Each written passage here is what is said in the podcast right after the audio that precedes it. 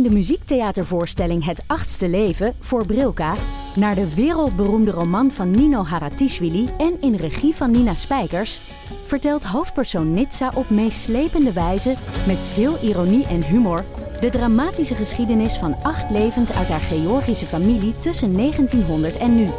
Een hartverscheurend en tegelijk troostrijk drama verteld vanuit het perspectief van vrouwen uit verschillende generaties. Waarbij het publiek meegenomen wordt op een emotionele, visuele en muzikale reis door de 20ste eeuw. Koop je tickets voor het achtste leven via oostpol.nl. Luister jij al naar de podcast Co en Zo? Ik ben Rick Paul van Mulligen. Ik ben Nina de Lacroix. En samen met jouw man René voeden wij twee kinderen op in twee huizen. Co-ouderschap. We hebben het over alles wat je daarin tegenkomt. Maar ook over de juice tijdens onze kinderloze dagen, want die heb je ook in het co-ouderschap. Een podcast voor alle ouders in alle vormen, maar ook voor alle mensen zonder kinderen. Zijn we eerlijk, heerlijk herkenbaar. Dus luister naar Co en Zo in je favoriete podcast-app. Heb jij je idee al uit het stof gevist, zodat je straks goed beslagen ten ijs komt? Welkom bij Stem Honey. Als je nu nog niet staat te springen om dat stemhokje te bestormen, dan weten wij het ook niet meer. Dit is tenslotte al aflevering 582. Grapje, aflevering 6. Van de speciale bonusserie die we maken om jou een beetje het gevoel te geven van... hey, die politieke person is helemaal up the street. Of niet, up je street. En dan weet je ook voldoende. Dit is alweer de zesde lijsttrekker met wie we alle ins en outs van het feminisme gaan bespreken. Dus je zou denken dat het ondertussen wel moet lukken in een kwartiertje. We gaan het zien. Mijn naam is Nidia. En ik ben Marilotte. En vorige afleveringen spraken we met Ploemen, Ouwehand, Kaag, Dassen en Simons. En vandaag sluiten we af met de enige echte Jesse Klaver van GroenLinks. Klaver. Dat klonk als klaver. Raar genoeg. Bek dicht. Laten we nou maar gewoon beginnen.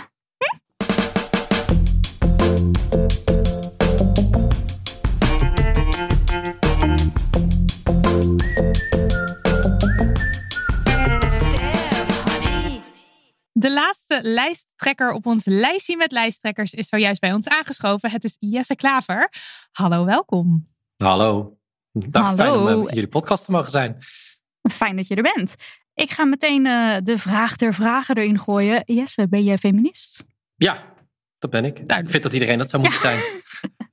En wat eh, betekent feminisme dan voor je? Eh, voor mij betekent het dat je in de kern, we komen straks op allerlei andere zaken uit, maar uiteindelijk gaat het over het, eh, het, het durven veranderen van de norm. Eh, en eh, komt het op voor gelijke rechten voor mannen en vrouwen. Eh, maar het gaat nog veel verder dan dat voor mij. Eh, en eh, en eh, is het altijd zo geweest? Ben je altijd feminist geweest? Ehm, ik, ik denk ja, maar ik heb me niet altijd zo genoemd. Ik heb, heel veel, ik heb toch best wel tot, tot, tot een jaar of vijf geleden nog wel ja, maar dat is een label, dat hoeft voor mij niet. En, eh, en ik ben eigenlijk pas, pas sinds een jaar of vijf, vier, vijf dat ik, dat ik me echt zo ben gaan noemen. Eh, omdat het gewoon belangrijk is, omdat de, de, de, strijd, de emancipatiestrijd echt nog lang niet gestreden is. En het is ook zeg maar sinds een, sinds een paar jaar dat ik, dat ik echt zie hoe, hoeveel grote stappen we nog te zetten hebben. En is, eh, in, eh, in welke, over wat voor stappen heb je het dan? Is feminisme nog nodig in Nederland? Vragen wij altijd. Het is keihard nodig. En bijvoorbeeld, als, als, eh, mag ik daar een voorbeeld van geven? Waar ik, over- Zeker, kom maar Ja. door. Nee, dat is nog, het is nog heel hard nodig. Eén, waar je het ziet, waar ik me echt stuk aan erger, is de loonkloof tussen mannen en vrouwen. Dat dat nog steeds een onderwerp is in 2021 waar wij het over moeten hebben. Dat is echt een schande. En dat is net zo'n grote verantwoordelijkheid, of misschien wel een grotere verantwoordelijkheid voor mannen. Eh, om daarvoor, daarvoor te strijden. Dus zolang dat niet is opgelost, hebben we gewoon nog een heel groot, hebben we gewoon nog een heel groot probleem. Eh, er is ook gewoon institutioneel seksisme. Eh, als jonge vrouw, ik ben een jonge vader. de, en, en Jolijn is een jonge moeder. Als jonge, als jonge vrouw heb je nog steeds achterstand op de arbeidsmarkt. Omdat door hoe onze hele reg, alle regelingen in elkaar zitten met, met, met zorgverlof. dat werkgevers nog steeds een groot risico vinden om jou als jonge vrouw aan te nemen. Want stel je voor dat je zwanger raakt. Nou, al, al dat soort zaken zitten nog steeds in onze systemen. Eh, en dat, moet je dat moeten we eruit rammen. En heb je concreet een voorbeeld van hoe je zoiets eruit zou willen rammen? ja, ik denk eh, een paar dingen. Het, het, eh, één, we werken aan een wet samen met de Partij van de Arbeid en de SP om de loonkloof op te lossen. Om gewoon bedrijven te verplichten om hetzelfde loon te betalen. Klinkt vrij radicaal, maar zou gewoon heel normaal moeten zijn. Het zijn echt nog steeds bedrijven die tegen ons zeggen: bemoei je niet met onze bedrijfsvoering en, dat maak ik allemaal zelf wel uit. Nou, dat vind ik niet. Uh, een andere is de, het geboorteverlof goed regelen voor, voor, voor beide ouders. en het zit hem in het voorbeeld geven zelf, in, hoe je, in, in, in wat, wat je belangrijk vindt. Ik denk nog steeds in 2017, daar hadden we de formatie. En toen zei ik, toen op vrijdag, dus zo'n formatie gaat zeven dagen in de week eigenlijk door. Hè? Dus je werkt knoepend hard en, en ook s'avonds laat. Maar op vrijdag wilde ik ook graag bij mijn kinderen zijn. Dat werd gewoon een rel. Alsof je als, als dat je, dat het was niet normaal dat ik mijn prioriteit niet 100% legde bij die formatie. Nou, ik vind dat echt volstrekte nonsens. Uh, ik denk juist dat het heel goed is als mannen ook aangeven dat je er niet bent, omdat je, omdat je, uh, zorgtaken, omdat je zorgtaken hebt. En om eerlijk te zijn, de schande die er had moeten zijn, was niet: Goh, Klaver neemt, maar, uh, neemt één dag vrij of neemt een halve dag vrij. De schande had moeten zijn en de hoon die ik had moeten ontvangen, wat een schande dat hij het maar één dag doet. Uh, dat hij het niet meer doet. Zo kan, je toch, zo kan je toch geen eerlijke verdeling hebben. Uh, en uh, wat dat, dat vind ik, hoe zeg je dat? Als, ik, ik schaamde me er niet voor dat ik die dag niet onderhandelde. Ik schaamde me voor dat het maar één dag was. Hè? En, en het feit dat er zo wordt gereageerd op een man die zegt: Nou ja, ik wil toch ook nog, nog iets van de zorgtaken op me nemen. Nou, als, zolang we daar nog niet normaal op wordt gereageerd, hebben we echt nog super veel werk te doen. Nou, Je noemt nu de, de zorgtaak en de loonkloof. Zijn er nog andere grote thema's waarmee jullie uh, met GroenLinks zeggen van oké, niet langer of uh, dit willen we zo of zo inrichten? Geweld tegen vrouwen. Uh, ik vind het schokkend. Er zijn, zijn er twee. Eén, dus geweld tegen vrouwen, femicide. Dus, seksueel, dus het, als je ziet dat um, het aantal vrouwen dat om het leven wordt gebracht, 60% daarvan gebeurt in, in de privésfeer. Hè. Dat is, zijn dus partners en vooral ex-partners die dat doen is bizar veel. Dus dat een van de meest onveilige omgevingen voor vrouwen de thuissituatie is. Ja, dat is, dat is onacceptabel. Dat vraagt om een hele andere aanpak. Ook bij de politie en bij de, bij de hulpverleningsinstanties. Daar moet veel meer aandacht voor zijn. Uh, ook in het strafrecht. Dus dat is er één, uh, één van. Een van de zaken die we onderzoeken. Dat is super complex. En daar, daarmee ga ik ook niet zeggen dat is morgen geregeld hoor. Maar, maar uh, psychische mishandeling is, is ook een heel belangrijk punt. Ook voor mannen trouwens. Maar vooral bij vrouwen zien we dat, uh, dat, dat, dit heel belangrijk is in de relationele sfeer. Om dat te, onder, te onderzoeken. Ja, en het je uitspreken tegen, tegen, tegen het seksisme. Kijk, ik, heb, ik krijg echt heel veel bagger over me heen als, als, uh, als, als politicus. Dus als je, als je online ergens kijkt, het gezeik wat je over je heen krijgt. Ik ben een moslim. Uh, ik, ik ben, mijn, mijn echte naam is niet Jesse. Ik moet dood. Van alles en nog wat. Maar als ik zie wat voor ellende mijn vrouwelijke collega's over zich heen krijgen, dat is gewoon niet te vergelijken. En het grootste verschil is dat ik ben, ik ben van alles, uh, maar er hoeft bij mij niet vaak een piemel in. Mm -hmm, ja. Hè? Dus het is, ja. altijd, het, het, is altijd te dreigen met, uh, sorry voor deze platte, voor, voor de, misschien was het iets te plat zoals ik het zei, maar dit is wel hoe het, uh, dit is wel wat er wordt gezegd tegen mijn vrouwelijke collega's. En dat zit, ja. het is altijd te dreigen met, seks, altijd dreigen met seksueel geweld. Hè? De, de, de, ja. Die moet gewoon zijn goede beurt hebben. Daar moeten we eens even, hè? Daar moeten we eens even iemand overheen sturen. Uh, ik zou er mijn hond nog niet over laten. Nou, dat, al dat, ja. Ik krijg het bijna niet aan de dek, ja. maar, maar dit, dit, ja. dit, We know, nee. We weten er alles ja, van. Ja, jullie weten er meer, meer van dan ik. Maar uh, daar moeten we ook als, ook, ook als mannen, uh, moet je daar heel hard tegenkeren. Ja. Nu gaan we er ook altijd wel lekker op als partijen eventjes kritisch naar zichzelf kunnen kijken. Uh, dus daarom hebben wij de vraag in het leven geroepen. Hoe ging jouw partij eerder de femimist in? de femimist in? De ja, femimist. de, fe, uh, de femimist. Nou, ik heb, uh, ik, ik, als ik naar mijn partij kijk, om ik te zijn, wij waren de eerste partij in de jaren negentig al met vrouwelijke lijsttrekkers. Uh, en wij hebben uh, net zoveel mannelijke als vrouwelijke lijsttrekkers gehad. Niet omdat, dat, niet eens bewust of zo, maar het zit echt heel diep in de kern van, van, onze, van, van onze partij. maar er zijn wel dingen waarvan ik zelf vind dat ik zelf de mist in, dat ik zelf de mist in, in ben gegaan. Bijvoorbeeld uh, nou ja, dat vertelde ik net. Dat ik pas sinds een jaar of vier, zeg maar, zie de echt hoe mannen, het verschil hoe mannen en vrouwen behandeld worden uh, in de publieke ruimte. Uh, dat, dat had ik nooit echt scherp. En natuurlijk, dat, ik wist het wel en ik had er ook wel over gesproken, ook met mijn vrouwelijke voorgangers. Maar dat ik dat echt heb geïnternaliseerd voor mezelf en dat als een probleem ben gaan ervaren, dat vind ik pas een jaar of vier. En dat vind ik veel te kort. Dus, dus voor mijn partij kan ik Ja. niet iets noemen waar we de mist in zijn gegaan, maar voor mezelf uh, vind ik dat. En dat is vooral een begrip, of vind ik een probleem, omdat ik, of een probleem, dat neem ik mezelf kwalijk, omdat ik uh, empathie heel belangrijk vind. Kun je je inleven in de ander? En dit is echt zo'n duidelijk voorbeeld van ik heb er geen last van, dus het zal wel niet bestaan. Eh, Ik zie het niet, hè? Of, of ik denk er niet zo Ja. over. Of dit is, hè? Ik, ik doe dat niet. Of, nee, het, het is er. Eh, en dat, is, dat, dat, dat zorgt voor een ongelijke positie.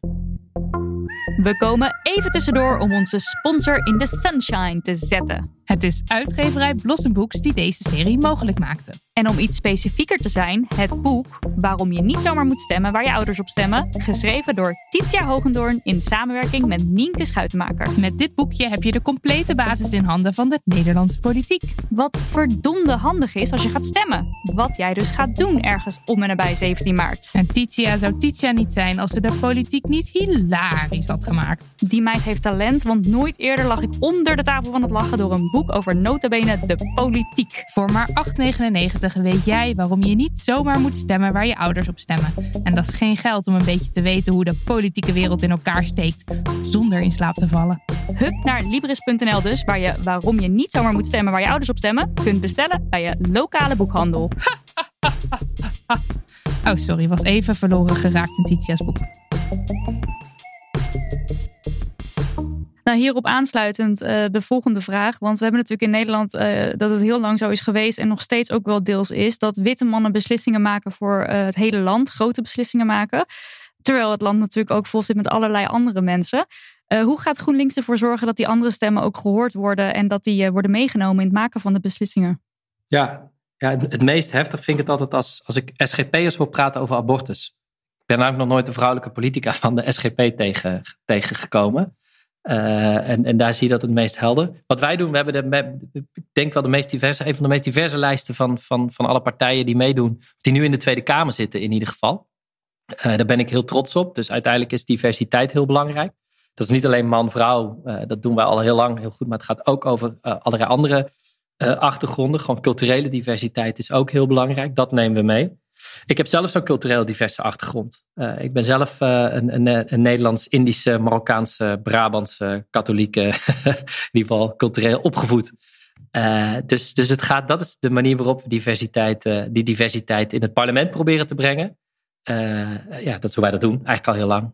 Dan nu nog een keer eventjes je laatste kans om eh, al onze luisteraars over te halen om eh, op eh, GroenLinks te stemmen. Want waarom zou elke feminist op juist jouw partij moeten stemmen? Alle- allereerst hoop ik. Kijk, ehm, stem in ieder geval. Een paar dingen. Allereerst stem op een progressieve partij. Eh, dat is het aller, allerbelangrijkste wat er is. En dat ga ik deze campagne namelijk volhouden om te zeggen. Ik wil heel graag dat GroenLinks groot wordt. Eigenlijk wel de grootste partij van Nederland. Maar stem alsjeblieft op een progressieve partij. En, en vind een partijleider en een partij die, die het meeste bij je past. Die je vertrouwt, die je hoop, je droom, je idealen deelt. En stem daarop. Waarom GroenLinks? Ga ik toch iets breder zeggen dan alleen over feminisme. Want voor mij is de strijd, als het gaat over feministische strijd, gaat over, over heel veel meer. Het gaat over het systeem wat we willen veranderen en, en de norm die je wil veranderen. En GroenLinks is een partij die, die is opgericht vanuit de emancipatiebewegingen en die knokt voor de aanpak van klimaatverandering. eh, En voor de gelijke behandeling van mensen. Eh, en dat is wie wij in onze kern, wie wij in, in onze kern zijn. Eh, dat is niet een standpunt wat we hebben. Kijk ook naar onze stand, maar dit is ons DNA. Uh, en ik ga niet beloven dat we in de volgende periode alle problemen die we net hebben benoemd, dat, ik die allemaal dat, ik die allemaal, dat wij die allemaal gaan oplossen. Uh, dat, dat ga ik niet beloven. Maar ik beloof je wel dat ik als lijsttrekker van GroenLinks, maar ook onze hele partij, net zo lang blijven doorknokken totdat mannen en vrouwen gelijk worden behandeld, tot het racisme is uitgebannen en we klimaatverandering een halt toe hebben toegeroepen. En al duurt dat nog, nog 10 jaar of 15 jaar of 20 jaar, wij gaan voorop in die strijd. Dat is wat ik je beloof. Dan hebben we nog een paar laatste keuzevragen die je kort mag Oh, toelichten als je dat wil. Eh, Het Ja. zijn een beetje of, of, of ja-nee vragen. Liever inzetten op mannen en vrouwen beide fulltime werken of inzetten op mannen en vrouwen beide parttime werken. Liever bij de parttime werken. Komt dat voort vanuit bijvoorbeeld jouw eigen ervaring met het ouderschap? Ja, ik zou. Ik, ik, ik werk meer dan fulltime in deze baan. En mensen vragen me wel eens: wat zou je nou doen als je. Hè, wat ga je nou doen als je dit niet zou doen? Zeg ik in ieder geval minder werken. Eh, minder uren. En, ik, en eh, ik vind vaak, als er wordt gezegd, als je zegt, wat is de norm? Wordt vaak gezegd, vrouwen werken te veel in part in, in, eh, werken te veel parttime. Dat is een benadering. Ik vind het wel interessant om het eigenlijk om te draaien. Mannen werken te vaak fulltime. Eh, en ik denk dat, ik heb een jong gezin, ik weet hoe druk dat is.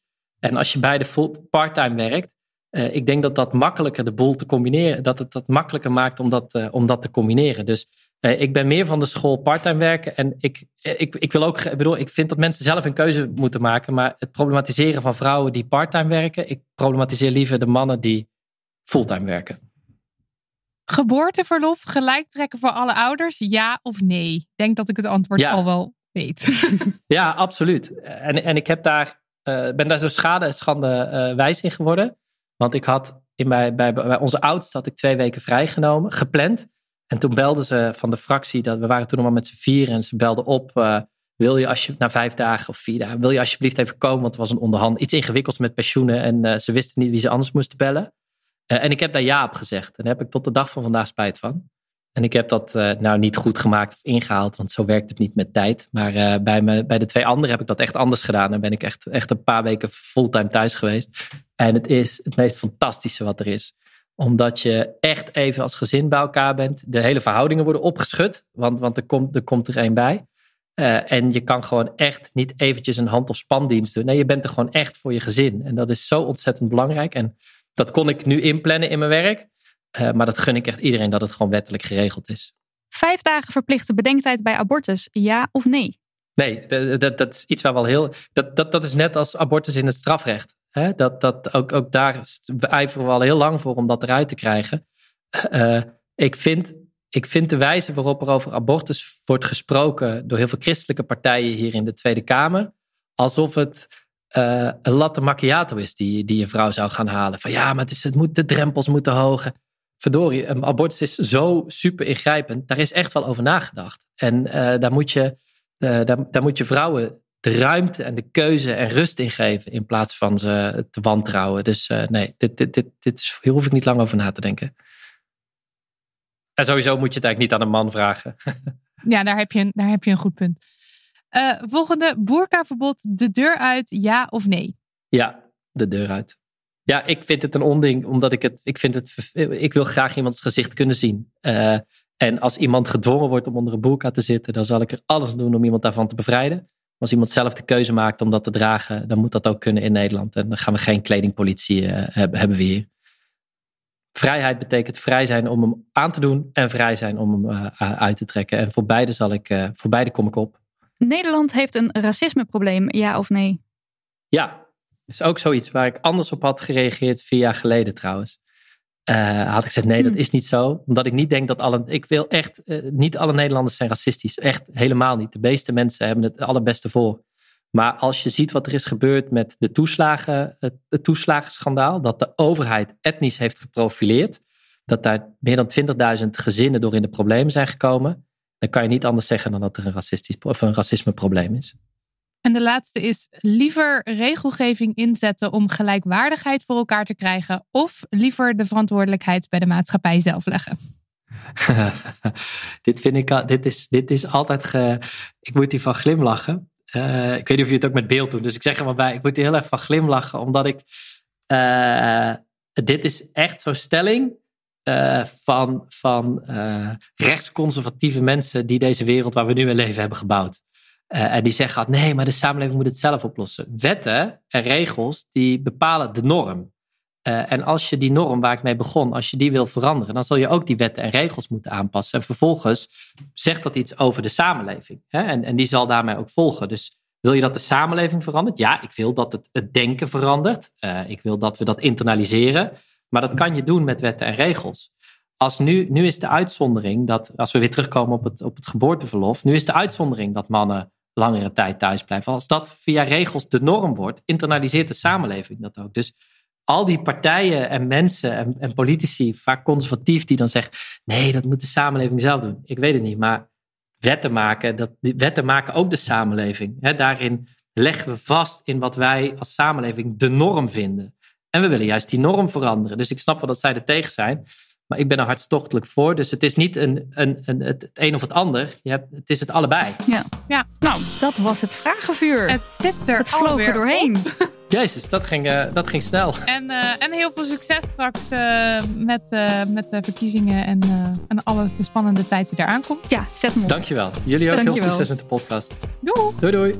Dit was hem weer. Leuk en thanks dat je luisterde. Veel dank aan de lijsttrekker You know who you are. Bedankt Daniel van de Poppen voor al het editoverwerk, Lucas de Gier voor de muziek en Lisbeth Smit voor onze website damnhoney.nl.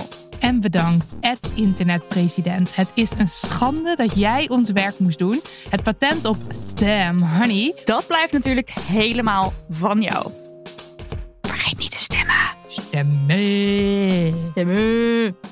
Eh, stemmen. Eh, Stemmen.